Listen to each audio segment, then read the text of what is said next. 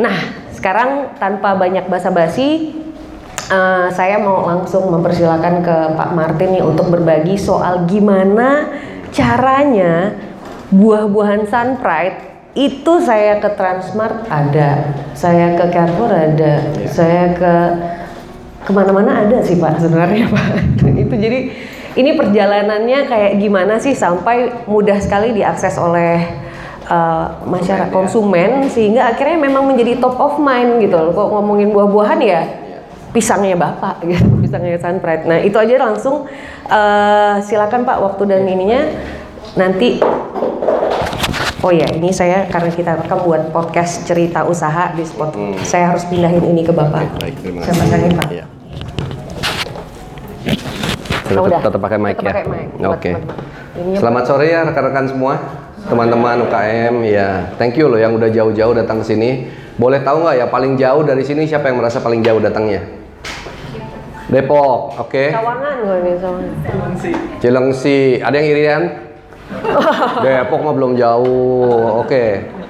Thank you ya udah berjauh-jauh. Uh, saya juga senang, saya senang sangat uh, senang sekali berbagi kepada UKM karena Uh, kalau ilmu yang ada yang saya uh, uh, praktekkan 3, 18 tahun di, di dunia distribusi buah-buahan, uh, sayang sekali kalau nggak di sharing gitu. Jadi saya senang sekali berbagi. Jadi ini nggak terakhir. Kalau ada yang berminat terus uh, mau nanya-nanya, boleh WhatsApp saya anytime ya.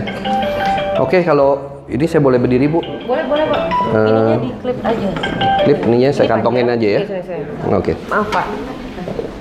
Ini boleh berdiri Bapak. Iya. Ininya saya kantor, saya klik di sini Pak. Oke, okay, ya. baik. Misi Pak. Iya. Dah. Oke, okay, thank you. Saya jagain ya, saya ngikut Bapak ke mana? Nggak apa-apa, dah. Di, di sini aja, di sini aja. Oke, okay, beredarnya nggak terlalu. Oke. Okay. Sekarang saya mau tahu dulu kira-kira nih ya, uh, yang usahanya kira-kira di bawah satu tahun di bawah satu tahun. Oke, okay. antara satu tahun sampai tiga tahun. Oke, okay. yang di atas tiga tahun? Wow, lumayan ya. Oke, okay. ya sepertiga sepertiga sepertiga lah gitu. Uh, karena dari pengalaman saya uh, uh, sharing-sharing sama dengan teman-teman, usaha tersulit tuh memang yang awal, waktu ngebuka awal ya. Jadi sama waktu saya ngerintis uh, Sun Pride ya waktu saya join tahun 2000 18 tahun yang lalu itu kecil sekali. Ya produknya cuma satu macam pisang. That's it satu macam pisang satu, satu jenis. Jadi waktu itu memulai saya merasa uh, ya tetap harus kita jalankan ya. Waktu itu supermarket masih dikit cuma ada Hero waktu itu.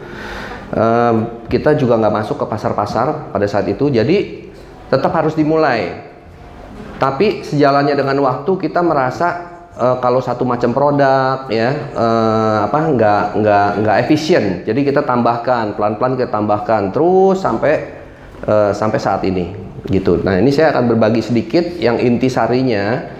Jadi Sunpride itu brand yang sudah uh, 22 tahun sejak berdiri. Dulu mulainya begini perusahaannya itu joint venture antara Del Monte Fresh dengan uh, grup Gunung Sewu ya Great Giant Pineapple Kemudian eh, tanam pisang untuk ekspor tujuannya 100%. Hmm.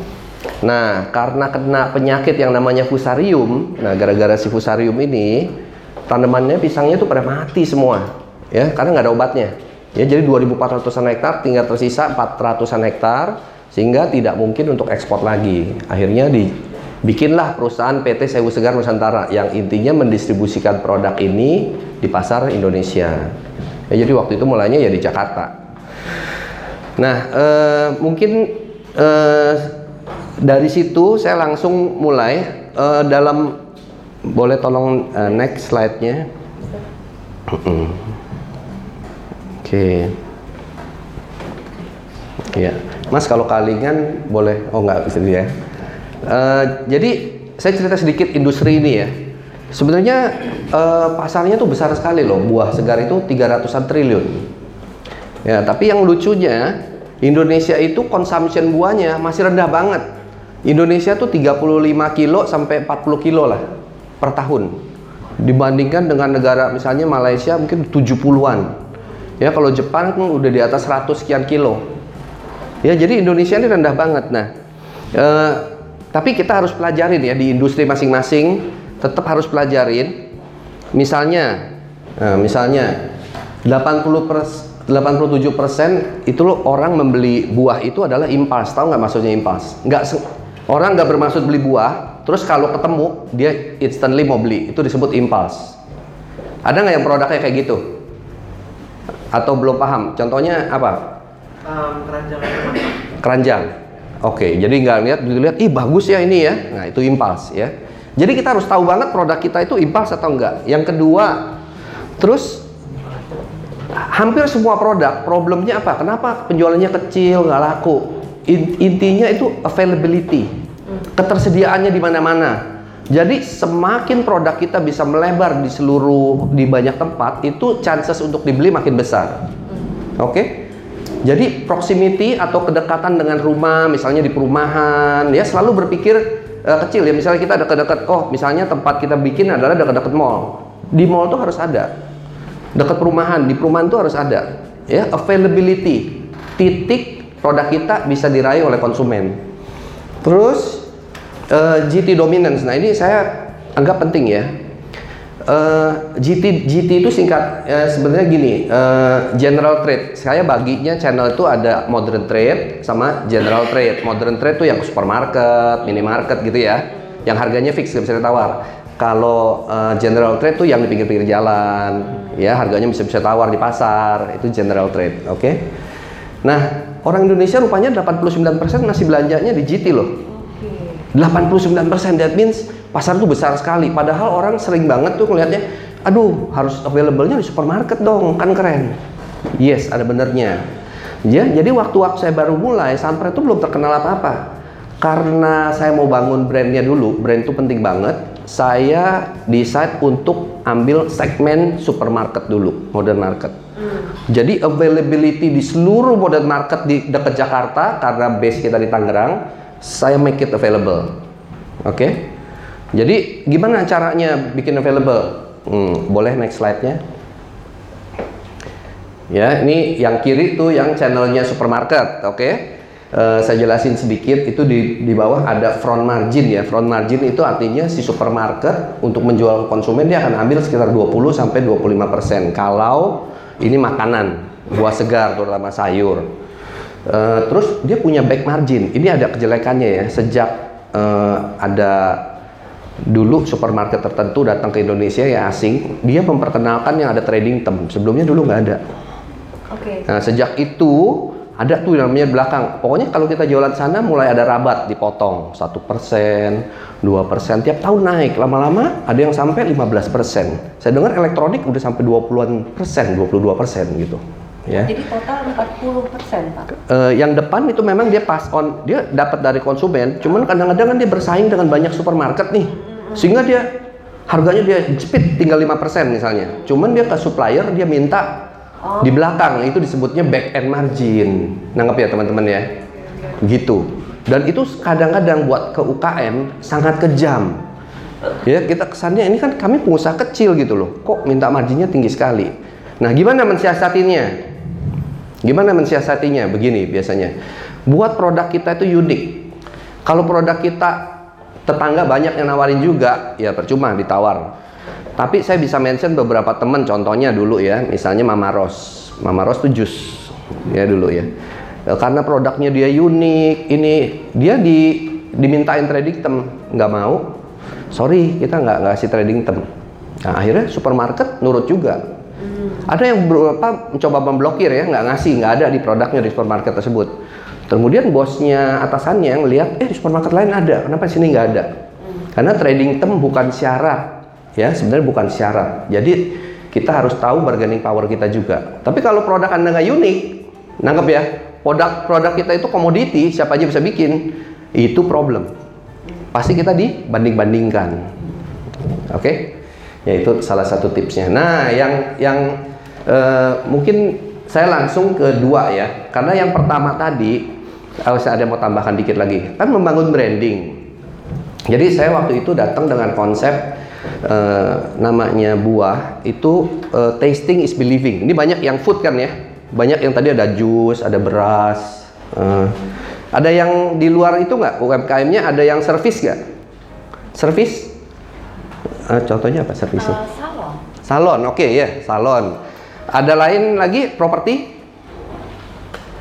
Food, food. Satu, dua. Yang yang nunjuk tangan apa tuh? Food, banyakkan food ya. Oke, nggak apa-apa.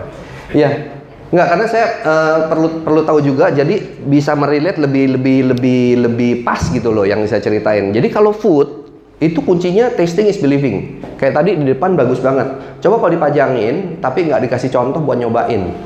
Ini apa ini gitu loh? Jus kedondong, eh, enak banget tadi ya. Jus pala enak banget. Itu unik ya. Saya bilang itu very unique, jarang. Nah, eh, yang saya mau share adalah tentang branding tadi ya. Jadi di, di supermarket karena kita buah waktu itu eh, masih nggak ada kompetitor tadi saya bilang. Jadi saya dengan keren saya bilang boleh nggak nih pilar saya hias? Pilar-pilar supermarket. Waktu itu dia sedikit pun nggak ngomong, oh udah dihiasin loh. Ya udah saya hiasin. Jadi yang kasih gratis saya hias langsung secepat mungkin. Ya waktu itu biayanya 20-an juta awal-awal. Sekarang udah kira-kira hampir 200 toko. Modern market itu kita ada namanya Sun Pride Pilar gitu ya. Nah, kalau udah punya pilar, udah punya pojokan kita nih, mulai deh tuh kita hiasin pinggir-pinggir-pinggirnya, kasihin keranjangnya, segala macam ya. Sehingga apa? Produk kita tadinya satu, sekarang bisa mulai ngelilingin. Terus ada satu konsep kalau di makanan, tasting is believing tadi ya. Jadi kita taruh SPG, kita kita train Sun Pride Girls namanya, ya. Sun Pride Girls ini eh, kita train kenapa? Karena eh, dia harus produk knowledge-nya tahu, ya. Kukunya bersih, orang serving orang tapi kukunya hitam gitu kan ngeri ya makanan ya. Nah, jadi eh, produknya sekarang ada sekitar 25-28 ai- macam itu udah dikelilingin situ. Jadi kalau orang datang, eh, pas beli, eh ini pisangnya banyak, bagus ya. Terus udah pilih-pilih, dia langsung cobain lagi, eh ada nanas, nanas honey, udah cobain nanas honey. Beli yang ketiga misalnya melon, that's it. Orang biasanya nggak beli lebih dari tiga buah, ya kan? Biasanya kebutuhan 2-3 hari, nanti mau balik lagi. Jadi tasting is believing itu penting banget ya. Jangan ngasih sampel terus kita pelit-pelit. Justru promosi terbaik kalau di offline itu adalah sampel. Kalau makanan tasting is believing. Oke ya. Jadi kalau supermarket saya bilang nggak ada secretnya. Distribusikan di supermarket itu cuman harus tahu triknya supaya tidak kena gorok leher saya bilang istilahnya ya. Gorok leher kena trading term. Yang lain dari itu adalah eh, bagaimana kita bisa memberi impact atau addi- additional value buat supermarket kayak tadi brandnya ngehias boleh nggak saya seminggu promo? Artinya saya beli sampel. Semua orang yang masuk saya kasih jus dondong. Boleh nggak? Nah itu keren gitu. Ya. Tapi disuruh trading term jangan mau. Karena apa? Belum tentu dia itu trading termnya buat produk lakuin produk kita loh. Untuk nambahin marginnya supermarket aja bayar operation costnya dia gitu. Nangkap ya? Oke, yang saya sekarang sebenarnya mau bahas sebenarnya adalah distribution channel yang di general trade. Ini agak sulit. Ini yang se- sebenarnya sangat challenging. Eh, mungkin relate atau nggak relate, saya tetap ceritain karena ini menurut saya eh, future-nya. Karena tadi kenapa saya pilih distribution yang ke general trade kira-kira? Masih 89% ya ampun orang belanjanya itu masih di general trade. Jadi kalau tugas kami bukan dibilang udah selesai ya di modern market udah beres. Tangan kiri pakai tangan kiri udah selesai. Sekarang tangan kanan harus ngebahas bagaimana supaya available di pasar-pasar di seluruh pinggir jalan, di kelurahan, di kecamatan, seluruhnya di Indonesia itu gimana? Nah itu yang berat, ya. Nah ini saya ceritain sedikit. Oke next.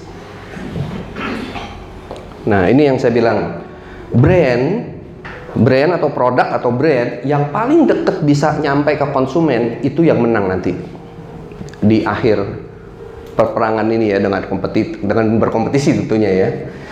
Kenapa? Saya kasih contoh yang paling sederhana begini. Istri saya itu pesan anting. Pesan anting-anting, uh bagus ya dari HP nih. Pesan klik dari China dari manufacturer di China 25.000 dikirim langsung ke konsumen celek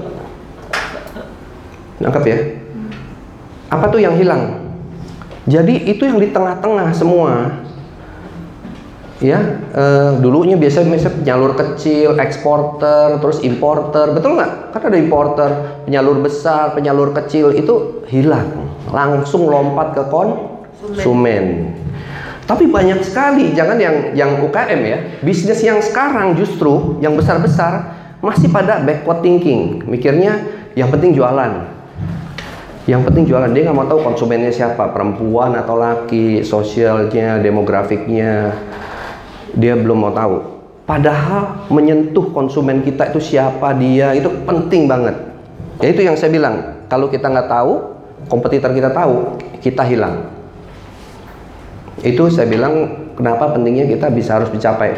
Walaupun urutannya tentu harusnya kita harus pentingin juga ya menjualnya dulu juga. Tapi kita harus tahu sebenarnya konsumen yang memakai produk kita atau servis kita itu siapa gitu. Itu. Oke. Okay. Nah ini jadi kita punya namanya Sunpride Retailer. Sunpride Retailer itu adalah gerobak-gerobak, tenda-tenda, retailer lah intinya. Yang eksklusif menjual hanya produk-produk Sunpride, buah-buahan. Dan ternyata untungnya luar biasa ya. Jadi ada yang uh, omsetnya sehari bisa satu uh, juta, berarti sebulan 30 juta tuh kayak tenda. Ya, dan marginnya lumayan kalau di retailer gini 25 sampai 30 persen kotor. Ya, jadi 30 juta bisa 9 juta kotor, bersih-bersih masih 7 juta tiap bulan. Nah, bentuknya ada yang parasol dan sebagainya. Nah, gini. Oke, okay, bener Mbak, next. Jadi, eh, kami akan membuat satu tahun itu 1000 retailer yang khusus jual produk kami. Tadi kenapa? Karena tadi availability-nya masih sedikit. Walaupun kita udah masuk ke lapak-lapak yang ada, tapi kita harus punya satu metode yang kalau kita masuk ke lapak kan tergantung si lapak. Kalau orang nggak buka lapak lagi, susah ya. Saya kasih contoh ya. Modern market sekarang uh, ada satu problem besar. Operation cost makin besar. Format-format seperti hypermarket itu makin berat. Sehingga banyak yang tutup. Kenapa? Karena yang kecil-kecil tuh yang seperti Indomaret, Alfamart, sorry saya sebut brandnya. Itu memang secara nyata proximity tadi menggerogoti penjualannya. Bukan di buah nih contohnya shampoo baterai rokok sabun. Orang malas kalau dulu belanjanya tuh stok up kan beli seminggu. Sekarang malas ya eh, satu hari dua hari pakai saset pakai botol kecil cukup sehingga tuh penjualan yang dulu itu hipermat orang belanja sana kayak hiburan sekarang makin turun makin turun sedangkan labornya 150 sampai 200 orang. Ya, jadi itu trennya menghilang tuh. Yang kecil-kecil yang hidup. Oke. Okay? Nah, jadi kita akan buat di General Trade Sunrise itu 1000 setahun. Nah, sedangkan penetrasi kita kalau untuk di, di General Trade masih kecil sekali, availability-nya masih dibandingkan dengan total pasarnya masih kecil sekali tuh lihat baru 2,1 persen. Makanya kita bikin satu metode gimana mengetek pasar ini dengan cepat. Uh, Nah, kita lihat ya eh, di tahun 2045 yang eh, kan ekonomi kita sedang rising nih. Ya, kira-kira kalau Indonesia itu di belakang China 7 sampai 10 tahun. Jadi, kalau China nih sekarang di puncak-puncaknya malah mulai mentok nih. Agak ada agak mature ya gitu ya. Ekonominya juga dislowin sama sama pemerintahnya sengaja. Nah, kita itu uh, uh, sedang rising, sedang rising. Nah, kita buka tadi yang namanya uh, apa SR, Sunprat Retailer. Cuma ada isu, kita begitu coba buka mortality rate-nya 60%. Okay. Kan buka pakai pakai uang ya, pakai tenaga, pakai effort. Buka 10, tutup 6. Mortality rate-nya tinggi. Nah, jadi kita bikin pikirin satu metode bagaimana sih mencari metode yang terbaik. Oke, berikutnya. Nah, ini kita coba di Bogor. Kita sebut micro battle Bogor Bogor kota itu kita attack yang di tengah. Yang di tengah itu kita garap dulu. Ya, area yang kedua sama ketiga itu nggak terlalu penting. Terus next. Nah, kita pengen tahuin. Jadi tadi si tenda-tenda itu pedagangnya tuh dimiliki oleh yang umum, orang umum, terparti artinya independen misalnya siapa aja boleh gitu ya. Itu biasanya kita buka, begitu udah dibuka kita serahin ada yang mau dagang nih Biasanya itu ada yang dagang buah, terus pindah dagangin produk kita. Tendanya itu artinya diserah terimakan, tendanya gratis kok. Gitu ya, mereka berdagang. Nah, problemnya kenapa mortality-nya rate-nya tinggi? Tiga hal. Satu, orangnya nggak seriusan. Ini UKM juga loh. Satu mereka ah setengah apa iseng-iseng gitu loh itu satu. Jadi orangnya. Kedua salah lokasi. Ya lokasinya ternyata nggak buat rame sehingga banyak yang eh, nggak mencapai omset, nggak bisa untung tutup. Oke. Nah, yang ketiga, problemnya apa? Distributor yang di kota yang ditunjuk, servisnya jelek. Jadi barangnya ordernya nggak tepat ke kita, barangnya kehabisan. Dua hari nggak diservis, tiga hari penjualannya makin turun-turun, buahnya makin jelek, habis, tutup. Ya, ada tiga hal problem itu. Nah, jadi kita mau coba di Bogor ini, bagaimana kalau ini dimiliki oleh si subdistributor? Tadinya nggak kepikir subdistributor nggak mau ambil resiko. Nah, kita coba Eh, misalnya marginnya tadi kalau ada yang ingat marginnya distributor kira-kira 7% 9% itu kalau ditambah dengan retail yang 30% marginnya belum not bad loh 39% nah jadi itu kita coba oke okay, tendanya ini kasih di gratis. Kita adain a team namanya yang ngebukain tenda nyari lokasi ya. Jadi si distributor tinggal nyari operator yang yang apa? Yang yang berdagang. Nah itu kita coba kalau itu berhasil, nanti kita bikinin namanya playbook. Playbook tuh kayak buku panduannya lah cara membuka yang yang baik gitu ya. Oke, terus next. Satu lagi, ya. Nah, ini kita langsung uh, data. Data ini penting sekali. Kita kumpulkan. Jadi itu adalah pedagang-pedagang tuh. Yang ada di chart itu adalah pedagang-pedagang. Pedagang yang dalam perharinya penjualannya ada yang sampai berapa itu? Satu jutaan ya? Artinya e, 5 box per day ada. Ada yang sedikit banget ya yang rendah. Average sellingnya ada yang cuman satu box yang paling rendah gitu ya. Kira-kira harga satu box 170 ribu omsetnya. Jadi kalau yang di sini tuh bagus banget. Nah yang merah sama yang biru tuh apa? Yang biru itu yang sudah ada yang milik independen yang merah itu milik si distributor. Ya, milik distributor. Artinya eh, jadi tendanya itu memang orangnya digaji gitu loh. Orangnya digaji untuk berjualan, ya. Jadi secara data ini kelihatan bahwa nggak ada masalah, yang lama kok yang baru dalam waktu dua minggu penjualannya udah ada yang mencapai. Jadi lokasi itu salah satu hal yang penting mendapatkan lokasi yang tepat, ya. Oke, okay, next. Nah, ini mungkin terlalu kecil, saya bacain sedikit aja ya. Maksudnya apa sih? Jadi waktu kita mencari lokasi atau faktor-faktor apa itu kita tentukan semua, misalnya lokasinya, terus tadi orangnya, pendidikannya, itu semua kita jajarin dan kita bikinin kriteria. Ya, terus next.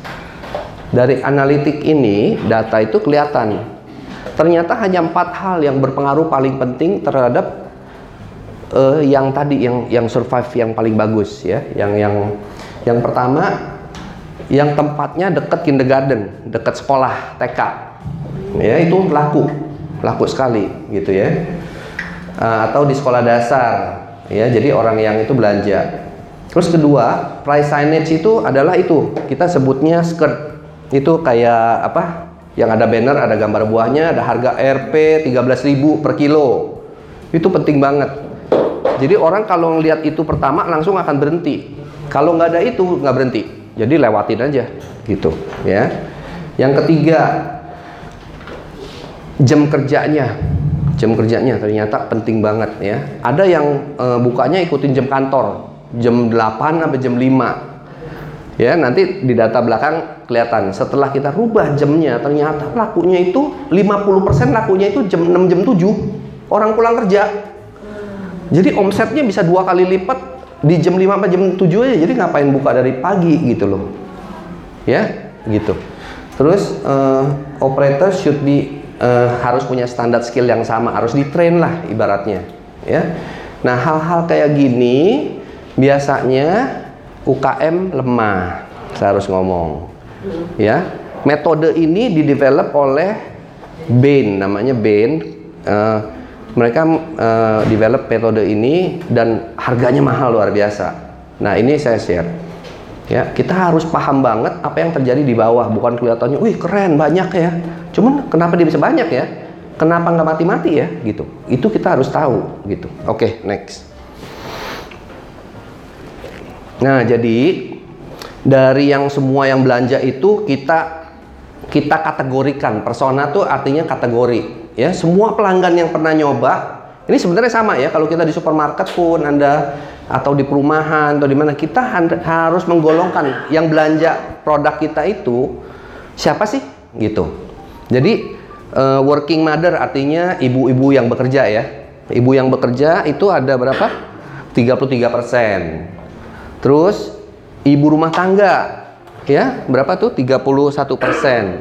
Bapak-bapak bapak-bapak biasa sih kerja ya. Ada juga yang nggak kerja. Bapak-bapak eh, berapa? 19 persen. Jadi yang belanja buah rupanya lebih banyak female. Ini kalau dijumlah nggak 100 persen loh. Ada lagi yang bawahnya tuh ada anak-anak lah tapi kecil sekali. Ada nggak yang pernah ngukur yang belanja produk kalian so far ibu-ibu kah bapak-bapak kah pernah nggak diukur ada yang mau sharing ibu mungkin banyakan perempuan atau laki bu yang beli jus perempuan oke terus umurnya lebih banyakan yang agak tua atau lebih muda 20 sampai 45. Hmm, oke ya. Ini penting ya. Jangan disepelekan. Semakin kita paham siapa yang belanja barang kita, semakin tahu kita itu sebenarnya lebih tepat nggak milih tempat ini. Target konsumen kita belanjanya di situ nggak? Jadi nggak waste money milih milih lokasi, gitu ya. Oke, next. Ini persona ya, kita pelajarin sampai personanya. Nah, personanya pun kita sampai detail, detailkan. Working mother tuh gimana sih? Apa sih yang matters buat mereka gitu ya? Eh, ini mereka biasanya kalau yang working mother itu sibuk, berarti jam kerjanya eh, begitu kerja sekalian deh. Kalau pergi kerja biasanya dia nggak beli, kadang dia beli buat dirinya sendiri, buat snack atau makan siang gitu ya. Tapi waktu pulang dia mampir ke tempat yang bisa motornya berhenti atau mobilnya berhenti sebentar. Intinya apa produk yang penting? Yang grab and go ya. Jadi sampai pisangnya kita siapin udah dibundelin pakai selotip. Jadi tinggal grab and go gitu. Dan satuannya 13.000 misalnya. Kita bikin ada yang namanya satuannya 10.000. Kenapa? Simple. Kembaliannya tinggal ini 10.000, dua, dua, dua ikat. Gitu. Tadinya jual per sekilo 13.000 loh, ditimbang-timbangin. Nah, itu yang suka 13.000 yang timbang-timbang, kira-kira siapa? Bapak-bapak, ibu-ibu kerja atau ibu-ibu rumah tangga? Rumah tangga. Kenapa suka yang timbangan? Banyak banyak waktu. pilih-pilih, ih bocel dikit, ih masih masih keras ini, taruh lagi gitu ya, betul? Iya kira-kira gitu ya. Jadi kita harus paham banget gitu, oke? Nah next, ini working mother. Nah kita identify namanya working mother customer journey ya eh, mereka tuh dari mulai consider ngelihat booth kita. Tadi kan impulse ya. Eh, dia berhenti. Apa yang penting? Apa yang penting? Kita harus petain ya kayak di sini saya kasih contohnya. Oh harganya murah. Ibu-ibu biasa kan? Jadi kalau nggak ada signage tadi yang dibilang harganya murah dia nggak berhenti loh. Weh, biar, biarpun kita bikin dia bergunung-gunung gitu, nggak ada harga tuh. Weng, lewat, motornya lewat, mobil lewat pinggir jalan. Tapi begitu dikasih harga, wah, mulai pada mampir. Ya, penting loh hal ini. Hanya mata yang expert yang tahu konsumen kita kenapa nggak stop kok nggak stop gitu. Oke? Terus tuh yang penting lagi, do I have the time? Kan dia sibuk tuh. Kalau cuman ada yang timbangannya doang, belanjanya dikit. Aduh lama pak nimbang-nimbang nggak sempet timbangin deh. 13.000 ribu ya udah sekilo deh gitu. Ya. Tapi begitu disiapin karena kita ada timnya ngebahas ini, ya disiapin yang tadi bundel, langsung penjualannya dua kali lipat. Gitu. Oke, next. Ini saya kasih contoh doang ya, nggak bahas detail ya. Karena ntar sifatnya paling penting diskusi, terutama yang relevan kan produk Anda. Nah, kalau yang housewife nih, biasanya dia beli untuk keluarga, buat bapak, buat anaknya. Berarti eh, penting banget buahnya cocok disukain sama anaknya apa enggak, bapaknya suka apa enggak gitu ya. Oke, next. Kualitasnya penting. Nah, itu ada beberapa tuh. Nah, harganya murah nggak? Sama deh kalau ibu-ibu pokoknya harga penting banget ya. Harganya murah apa enggak? Kedua, anakku suka nggak? Ya. Terus di waktu konsumnya eh ya suka nggak sama sih kira-kira gitu ya jadi kalau ibu rumah tangga paling enak dia Pokoknya waktu udah santai keluar pas jalan-jalan dia ketemu dia belanja, pas mau ke pasar dia belanja gitu ya. Waktunya agak bebas. Oke, next. Nah, kalau bapak-bapak nih kira-kira terus next. Nah, kalau bapak-bapak kira-kira karakternya kalau belanja buah gimana nih?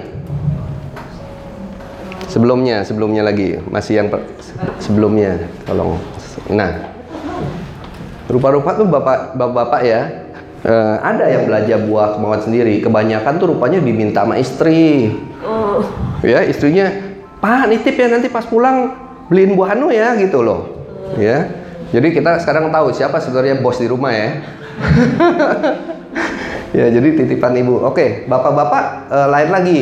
Coba tadi journey-nya gimana? Dari dia mulai ketemu tenda kita sampai dia belanja next Nah, kalau bapak-bapak tuh yang penting eh, eh, eh, tempatnya deket gak? Karena kalau dia disuruh, biasanya dia harus dapetin tuh. Ya, biasanya dia nggak berani pulang dulu, dicari-cari deh. Pokoknya sampai dapat baru dia berani pulang, kira-kira gitu. Jadi kedekatan tempat dengan tempat rumah tuh penting gitu. Terus, nah buahnya harus harus cukup bulky kalau bapak-bapak. Artinya itu artinya masih banyak yang bisa dia pilih. Karena kalau dia bawa pulang buah yang jelek, hancur deh. Rusak deh domelin deh pulang ya gitu. Eh, jadi dia penting. Terus ya kalau bapak-bapak nawar nggak? Penting nggak harga? Nggak. Terlalu ya. Dia sih nyoba sih. Ah ini nggak bisa kurang nih. Tapi nggak niat nawar nggak bisa kurang nih. Ya nggak bisa pak. Udah pas. Oh ya udah deh. Gitu. Gampang nyerah gitu ya. Kalau ibu-ibu beda gitu. Nah pengen cepet. Ya oke. Ini contoh aja ya. Next Nah, selain kita tadi mempelajari konsumennya, saya nggak tahu nanti di channel Bapak Ibu, eh, Ibu ada reseller apa enggak, bener nggak? Kan belum tentu semua kita lakukan sendiri ya. Itu hal nomor satu loh. Jangan semua hal apa membangun bisnis kita semua dilakukan sendiri. Tangan kita cuma dua. Keluarga kita ya cuma suami satu, misalnya istri satu, anak ya nggak bisa semua dilakukan sendiri. Jadi harus pikirkan bagaimana bisa membuat orang lain membantu membesarkan usaha kita ya. Nah jadi ini Sunpride retailer owner. Jadi ini mereka nih mulainya dari pemilik tenda satu biji. Begitu income-nya eh jualannya kok bisa 35 juta sebulan? Eh sepak saya mau punya dua. Nah ya Pak Otang itu pertamanya dagangnya dagang eh, gas LPG ya setelah tahu bisnis kita dia satu dua tiga nyoba. Sekarang punya delapan kalau nggak salah ya. Yang ini Pak Alun pedagang bubur. Ya kalau nggak salah pedagang bubur deh. Heeh, ya. Jadi mereka dari punya satu terus mau ini. Nah buat mereka apa yang penting? Pak kita harus paham juga kebutuhan mereka apa. Misalnya Pak saya mau dagang yang produknya itu satu laku gampang jual. Oh ternyata memang buah-buahan gampang dijual laku. Tiap hari itu habis. Ada kesisa sedikit Terus kedua, suplainya terus ada. Paling benci itu pedagang yang sehari ada, besok nggak ada, lagi nggak ada, besok ada lagi, besok nggak ada gitu. Paling sebel. Atau kualitasnya turun naik, turun naik. Bener nggak kira-kira? Kita juga kalau gitu sebel kan? Jadi kita harus paham banget apa yang penting buat mereka.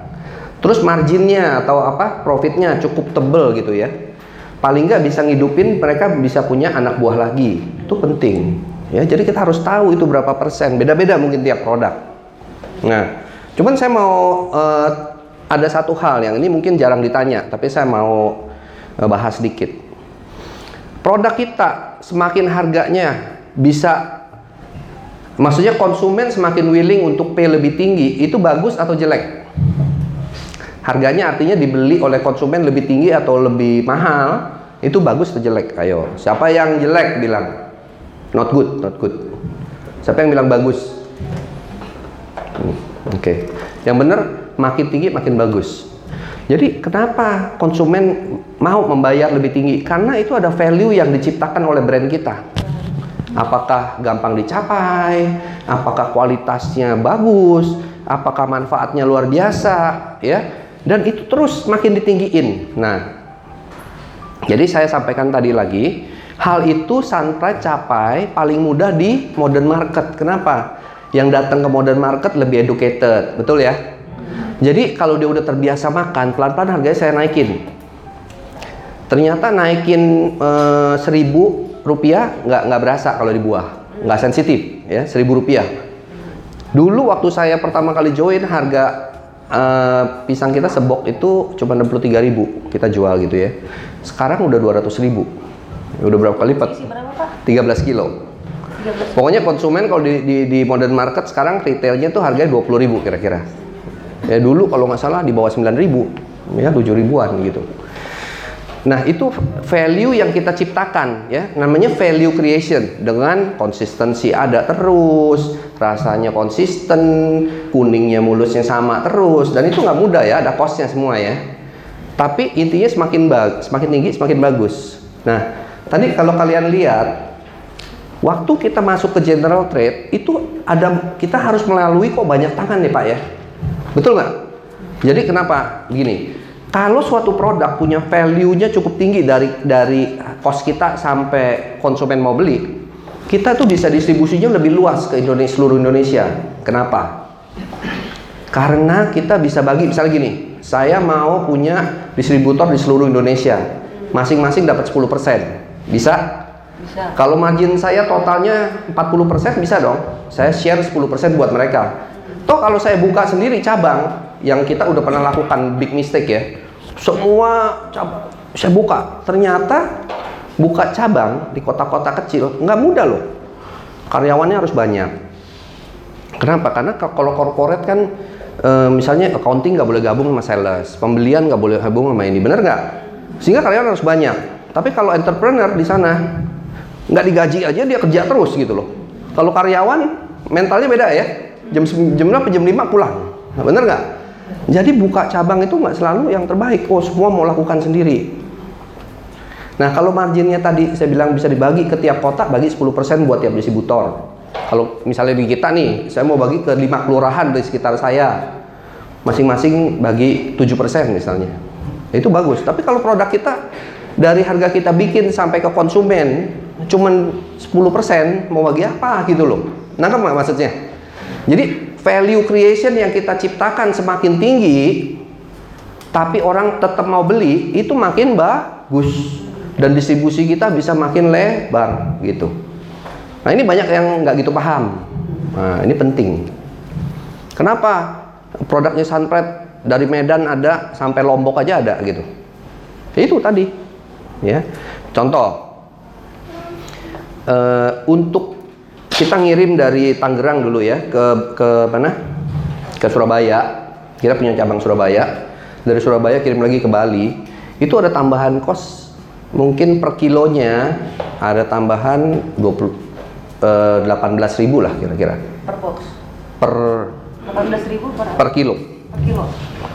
Jadi produk itu ditambahin ya 18.000 per kilo. Di sana memang 20 sekian, 28.000. Eh, karena daya belinya tinggi, nggak ada masalah, ya. Ya, jadi intinya cuma begini. Di mana kita mungkin menciptakan value dengan kon- konsisten quality dan sebagainya harus diciptakan, harus diciptakan gitu, ya. Itu yang bisa membuat produk kita lebih melebar. Oke, saya lanjut ke sini. Next. Nah, eh, ini tadi pedagangnya ya ceritanya sampai pedagangnya. Jadi pedagang juga punya ada hal yang dia pentingkan nih. Contohnya, oh lokasi, pilih lokasi. Eh, biasanya kita cari orang pedagang lokal. Contohnya tadi, misalnya anda teman-teman semua mau cari eh, reseller, cari yang lokal. Dia tahu daerah situ yang rame yang mana. Itu penting daripada nunjuk oh temen gua aja deh tapi bukanya di sini dia nggak paham dia nggak tahu lokasi yang bagus sama yang nggak bagus gitu ya terus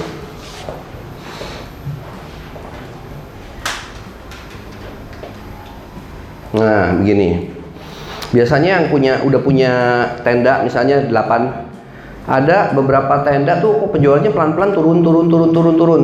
Ya biasanya sehari misalnya 1,5 juta. Eh kok bisa turun turun turun tinggal 750 ribu sehari rata-rata.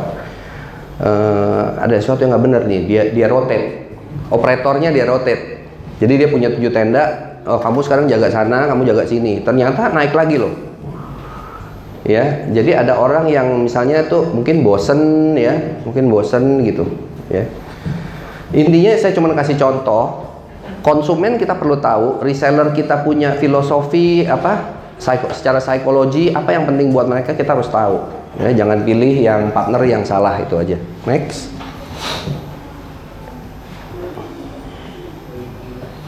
Nah ini saya cuman eh, petain ya. Tadi kalau kita udah tahu konsumen kita siapa aja end konsumen ya, apa yang penting buat mereka, apa yang ini buat pedagang kita, apa yang penting. Ini kita problemnya kita petain, ceplukin gitu ya. Nah terus kita bahas dengan tim kita next ya. Ini pain point artinya tuh issue yang buat mereka issue, kita harus kasih solusi, possible solution. Next terus. Nah ini disebut human centered design tuh kita punya tim yang ngebahas kalau isu kayak gini baiknya gimana ya sebenarnya brainstorming sih ya sebenarnya antara teman-teman begini nih kalau punya session juga ngebahas bisa kayak gini. Eh, kita ini kayak gini gini gini ya berapa misalnya yang di food bersama-sama. Karena strateginya bisa dipakai bersama kok. Bener nggak?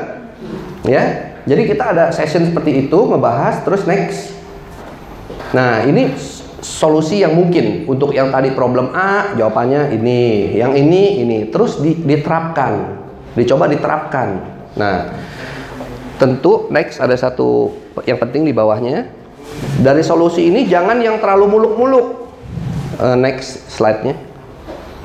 Nah, itu fokus dengan yang short term solution dulu dan jangan terlalu gini loh, ada Pak ini ada ada 10 possible solution, hajar langsung 10 10-nya. Kenapa? Isunya apa dengan memberikan solusi terlalu banyak? Tidak terukur. Bener nggak? Jadi kita misalnya dua minggu ke depan satu macam solusi kita kita coba. Ada perubahan nggak? Ya kalau eh penjualan tiba-tiba naik nih. Nah itu solusi itu berarti efektif. Coba solusi yang kedua, coba solusi yang ketiga, coba solusi yang keempat, gitu ya. Nah ini metode ini dipraktekkan dan dan kami ini menjadi rutin ya, menjadi menjadi playbook kami untuk meroll out ke kota-kota lainnya. Oke next. Nah, yang disebut PICOS itu sebenarnya picture of success. Jadi kalau kita punya satu gerai atau toko atau tempat eh, ada yang disebut prototype atau picture of success. Inilah yang sempurna. Harusnya begini. Contohnya ya, untuk tiap jenis buah atau produk tuh tentu beda. Yang ini kebetulan nomor satu lokasi, ya nomor dua tuh skirting banner termasuk price. Itu adalah stopper disebutnya, ya. Yang ada harganya tuh ada gambar buah. Orang kalau ngelihat itu dia berhenti. Ketiga, misalnya eh, apa itu? Jamnya, jam tadi saya udah ceritain ya operatornya skillful. Ada yang orangnya baru eh, karena dia sebelumnya pernah kerja di tempat perkebunan kita, kebetulan dari Lampung dia pindah ke Bogor. Nah, jago banget jualannya gitu. Produknya tahu, dibikinnya, ditanya ini tanamnya di mana, itu dia bisa ceritain itu mengengage konsumen tetap lebih mau beli. Terus macamnya buah penting ya. Kalau cuma satu biji, satu macam buah kurang menarik. Tapi begitu ditaruh dua atau tiga itu saling saling membangun lebih menarik gitu ya. Terus gini, pernah ini yang ini agak lucu nih. Namanya orang mau dagang buah, kalau disuruh nyoba, Pak coba pasang tiga box. Kira-kira dia berani nggak kalau pertama kali dagang buah?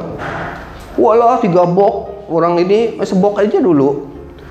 Ternyata kalau digunungkan gitu ya, kalau digunungkan, itu orang nyerbu. Tapi kalau satu ceper, bener ya ceper ya, ngerti dong ceper. Kalau kalau ceper gitu nggak laku seperti seolah-olah tuh udah sisa-sisa gitu loh. Nah, hal kayak gini kan nggak ditemukan tanpa dipraktekkan ya. Ini saya share. Terus ada timbangannya itu penting. Benefit dari buah itu ada ada apa namanya? Ada kayak bannernya gini ya, manfaatnya buah gitu.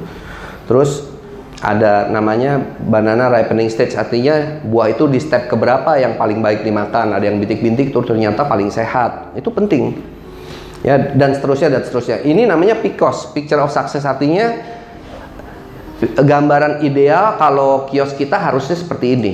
Jadi kita harus punya apa secara prioritas tuh apa yang harus ada. Oke, next. Nah, ini kita praktekin nih di berapa tempat ya? 1 2 3 4 5 6 di 6 tempat penjualannya sehari-hariannya kita track. Ya, ada yang jual 47, 42 dan sebagainya per minggu ya ini kalau nggak salah. Terus next. Nah, lihat itu ada checklist yang sebelumnya. Ya, kalau dilihat eh, polosan ya, Ada harga nggak di situ? Nggak ada. Hmm, jualannya rendah. Ini after, ada checklistnya. Coba klik sekali lagi slide-nya. Nah, lihat. Itu yang sebelumnya nggak ada menjadi ada. Ya. Nanti kita lihat apa perbedaan hasil penjualannya next lagi. Nah, ini yang kiri sebelum, yang kanan sudah ya. Lihat checklistnya. Ya, nah lihat itu yang ditambahkan. Karena kita udah punya picture of success, betul nggak? Udah punya gambar idealnya harusnya gimana kios kita gitu. Oke, next. Nah, ini yang di PGB Merdeka. Nah, lihat.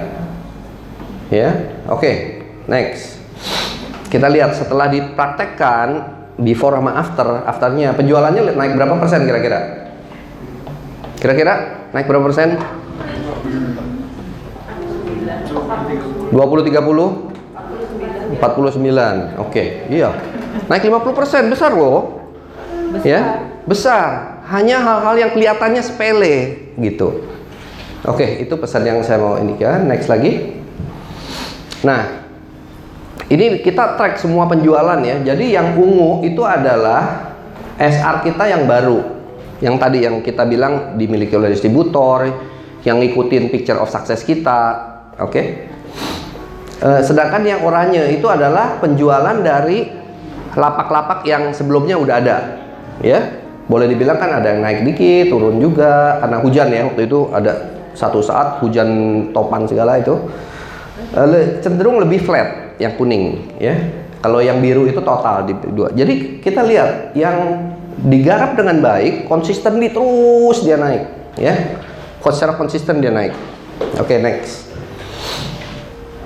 Nah itu jadi eh, apa perbandingannya ya angkanya ya itu betapa pentingnya hal-hal yang dianggap sepele ternyata penting banget gitu.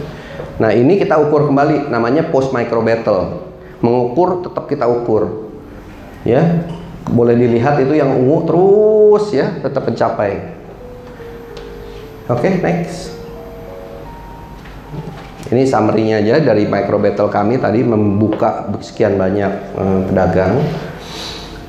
Jadi ada satu hal yang kami terapkan, eh, saya rasa saya mau share juga. Next lagi, ada replication ya. Kita terapkan ke Jakarta Selatan dan kita terapkan di Bekasi Selatan. Ada nggak sih perbedaan geografik itu punya perbedaan lain gitu? Eh, ternyata nggak terlalu ya.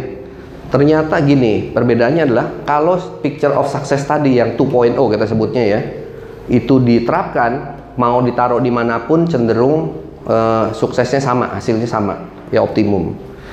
Eh, tapi ada hal yang yang agak berbeda yaitu Jakarta Selatan. Jakarta kan mungkin pasar Minggu gitu Kemayoran ya. Karena tram tipnya mungkin lebih giat gitu ya. Jadi nggak bisa tuh yang namanya tenda-tenda. Hmm, itu beda. Jadi harusnya dia bentuknya lapak yang semi permanen, yang resmi, yang harus bayar eh, resmi gitu. Gitu. Oke, next. Eh, satu dua slide lagi aja dari saya ya. Ini yang saya rasa eh, menarik juga. Next lagi. Ini digitizing general trade. Ini saya rasa banyak yang eh, manufacturer, brand belum terlalu lakukan. Jadi apa yang kami lakukan? Kita kan tadi urutannya ada ya, distributor, betul ya? Ada stock point, betul? Pak Otang tadi itu stock point. Nah itu kita kita siapin apps, kita siapin apps untuk mereka mengorder. Jadi saya Otang, misalnya kodenya eh, stock point SP07 misalnya. Dia ngorder pisang 5, mangga 2, misalnya melon 7 gitu ya. Itu akan naik ke distributor level, distributor Bogor. Tapi kita sebagai prinsipal kita bisa lihat apa yang diorder oleh tiap orang. Ini penting sekali. Kenapa? Nah, barangnya itu kan nanti diorder terus secara fisik kan barang dikirim. Nah, itu sampai nggak apa yang diorder itu yang disebut service level. Jadi pedagang tenda kita kalau mau mengorder lagi dia harus tulis dulu yang kemarin dia terima. Misalnya order tadi 575, dia terimanya cuma 3 2 3 misalnya. Nah, kalau kita tidak perhatikan itu, kira-kira kita tahu nggak service levelnya sampai level bawah kita? Padahal tadi saya di awal saya katakan ya, bisa mati karena apa? Nggak diservis dengan baik. Ternyata distributor kita jarang kita kunjungin, ternyata mobil deliverynya cuma satu. Gitu. Oke? Nah, dengan gini kita bisa tahu. Nah, itu kalau kita petakan nanti dalam satu dashboard yang ini, kita bisa tahu tuh peta orang order dari mana, dari Indonesia, dari kota ini, kita bisa petakan. Terus pemberiannya ke level 1, level 2, level 3. Per hari berapa? Jam berapa orang paling banyak order dan sebagainya. Nah, nanti yang stage terakhir adalah yang tadi saya bilang, desainnya adalah mendekatkan kita dengan konsumen. Ya, jadi tadi kan si pedagang udah saya bilang ya, mulai pakai ya. Mulai pakai di apps kita itu. Nanti apps ini harus bisa jadi POS. Tahu nggak POS? Point of sales ya. Nah, misalnya orang mau belanja, Mas mau belanja. Mas silakan masukin nomor HP-nya, Mas. Namanya siapa? Kalau Anda masukin, hari ini dapat sekilo pisang gratis. Di luar yang Anda belanja gitu ya. Orang masukin nggak kira-kira? Masukin ya. Penting atau enggak tuh mengcapture datanya konsumen? Penting ya. It, yang belanja dia loh. Itu yang saya bilang tadi. Banyak big companies forget their consumer. Yang penting gue jual, jual ke mana? Ke grosir. Grosir lo jual ke mana? Ya ke, ke, ke pedagang lah gitu. Ya, they don't know who buy. Hah? Perusahaan besar kayak gitu. Perusahaan besar masih banyak yang begitu. Ya.